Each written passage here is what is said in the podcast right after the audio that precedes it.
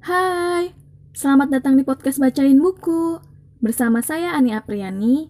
Kali ini saya akan bacain buku berjudul Sebuah Seni untuk Bersikap Bodoh Amat, karya Mark Manson. Selamat mendengarkan.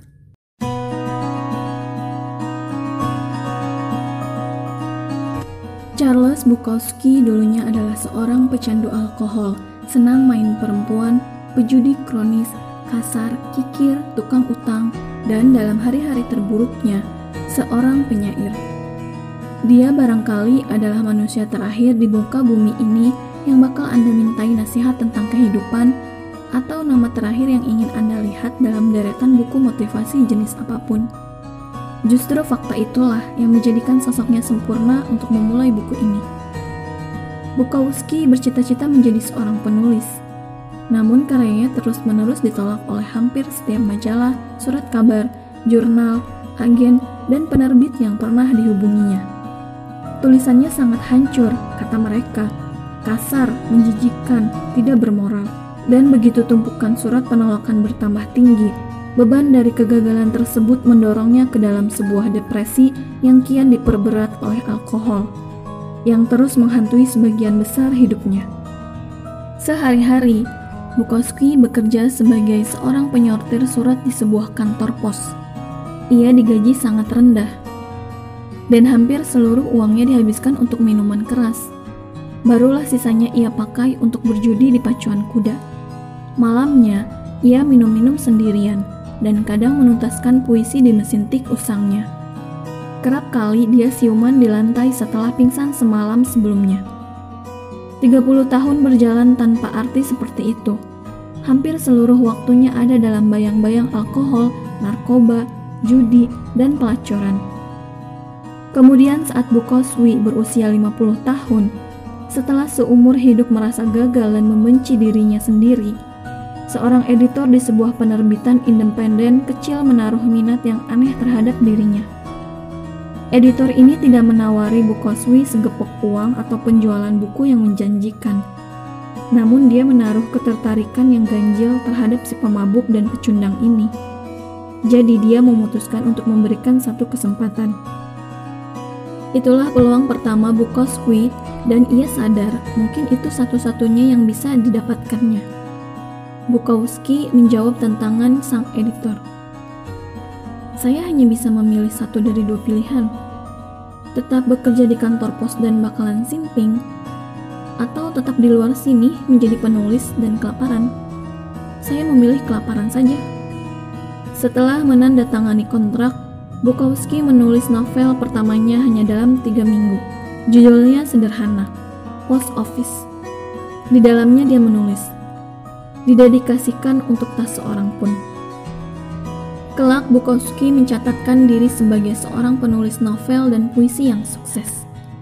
Dia terus berkarya dan menerbitkan enam novel dan ratusan puisi, menjual lebih dari 2 juta kopi. Popularitasnya melampau harapan setiap orang, terutama ekspektasinya sendiri. Kisah Bukowski ibarat amunisi untuk kultur cerita inspiratif di zaman kita Kehidupan Bukowski mewakili perjalanan mimpi Amerika. Seorang pria yang berjuang atas apa yang diinginkannya, pantang menyerah, dan pada akhirnya meraih mimpinya. Praktis, ini seperti sebuah film. Kita semua menyaksikan cerita Bukowski dan berkata, "Apa aku bilang? Orang ini tidak pernah menyerah. Orang ini tidak pernah berhenti mencoba. Orang ini selalu percaya diri." Ia gigih melawan segala rintangan dan akhirnya sukses. Tapi, semua narasi itu terdengar janggal karena di atas batu nisan Bukoswi tertulis jangan berusaha. Lihat, meski nyatanya bukunya laris manis dan sosoknya terkenal, Bukowski dulunya adalah seorang pecundang. Ia tahu benar itu. Dan keberhasilannya bukan hasil kegigihannya untuk menjadi seorang pemenang. Namun dari kenyataan bahwa ia tahu kalau dirinya seorang pecundang, menerimanya, dan kemudian menulis secara jujur tentangnya. Ia tidak pernah mencoba untuk menjadi selain dirinya sendiri. Kecerdasan dalam tulisan Bukowski bukan soal memanfaatkan peluang yang luar biasa atau mengembangkan dirinya menjadi seorang sastrawan yang gemilang. Yang ada adalah kebalikannya. Ia hebat karena kemampuan sederhananya untuk jujur pada diri sendiri sepenuhnya dan setulusnya, terutama mengakui hal-hal paling buruk yang ada pada dirinya sekalipun, dan untuk membagikan perasaannya tanpa segan atau ragu.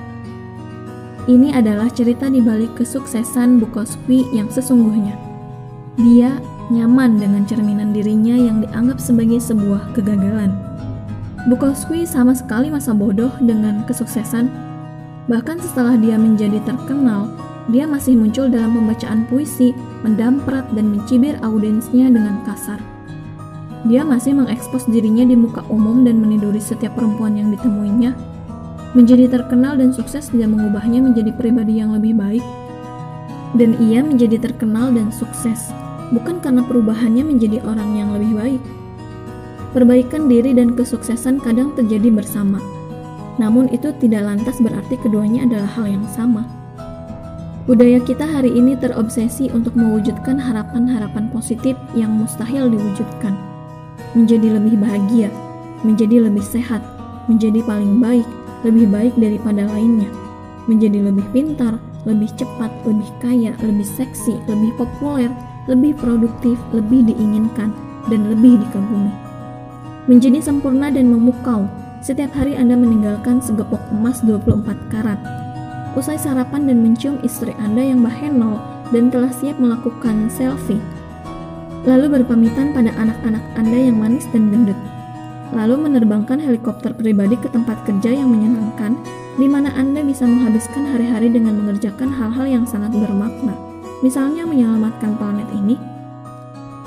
Namun ketika Anda berhenti sejenak dan sungguh-sungguh merenungkannya, nasihat hidup yang konvensional, segala macam nasihat motivasional untuk menjadi pribadi yang positif atau menyenangkan yang selalu kita dengar, sebenarnya justru memberi penekanan pada kekurangan Anda. Nasihat itu langsung menyoroti apa yang Anda anggap sebagai kekurangan dan kegagalan pribadi Anda, kemudian menggarisbawahi hal tersebut untuk Anda.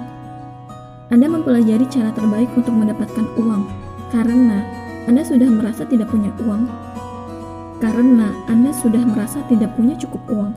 Anda berdiri di depan cermin dan terus mengafirmasi kalau Anda cantik karena Anda sudah merasa tidak cantik. Anda mengikuti tips berkencan dan menjalin hubungan karena Anda merasa bahwa memang Anda tidak layak dicintai. Anda melakukan latihan visualisasi yang konyol untuk menjadi lebih sukses karena Anda memang merasa tidak cukup sukses. Ironisnya, pengarahan pemikiran pada hal-hal positif ini tentang apa yang lebih baik, apa yang lebih unggul, hanya akan mengingatkan diri kita lagi dan lagi tentang kegagalan kita. Kekurangan kita, apa yang seharusnya kita lakukan namun gagal kita wujudkan. Bagaimanapun, jika seseorang sungguh bahagia, dia tidak akan merasa perlu untuk berdiri di depan cermin dan mengulang-ulang ucapan kalau dia bahagia. Dia bahagia, ya bahagia, begitu saja. Ada sebuah ungkapan di Texas. Anjing paling mungil menggonggong paling keras. Seseorang yang percaya diri tidak merasa perlu untuk membuktikan kalau dia percaya diri. Seorang wanita yang kaya tidak merasa perlu untuk meyakinkan seseorang pun kalau dia kaya. Entah Anda seperti itu atau tidak, dan jika Anda setiap saat memimpikan sesuatu, Anda sebenarnya sedang menguatkan realitas bawah sadar Anda lagi dan lagi bahwa Anda bukan itu.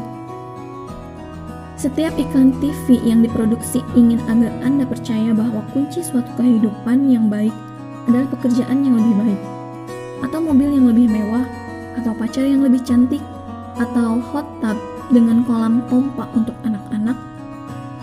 Dunia secara konstan mencecar Anda bahwa jalan menuju kehidupan yang lebih baik adalah lebih, lebih, lebih, beli lebih banyak, dapatkan lebih banyak, buat lebih banyak, bercinta lebih banyak.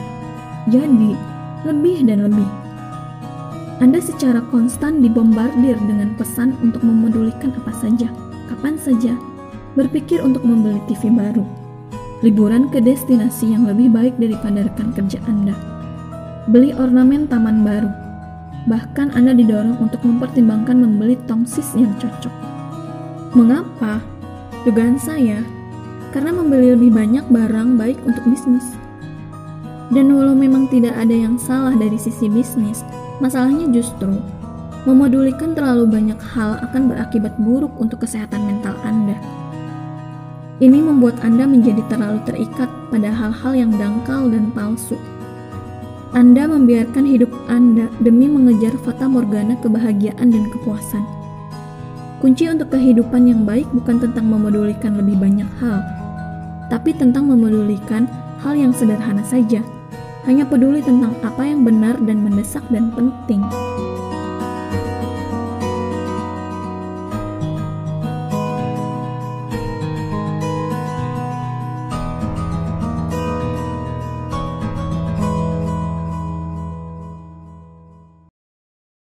Demikian buku sebuah seni untuk bersikap bodoh amat karya Mark Manson.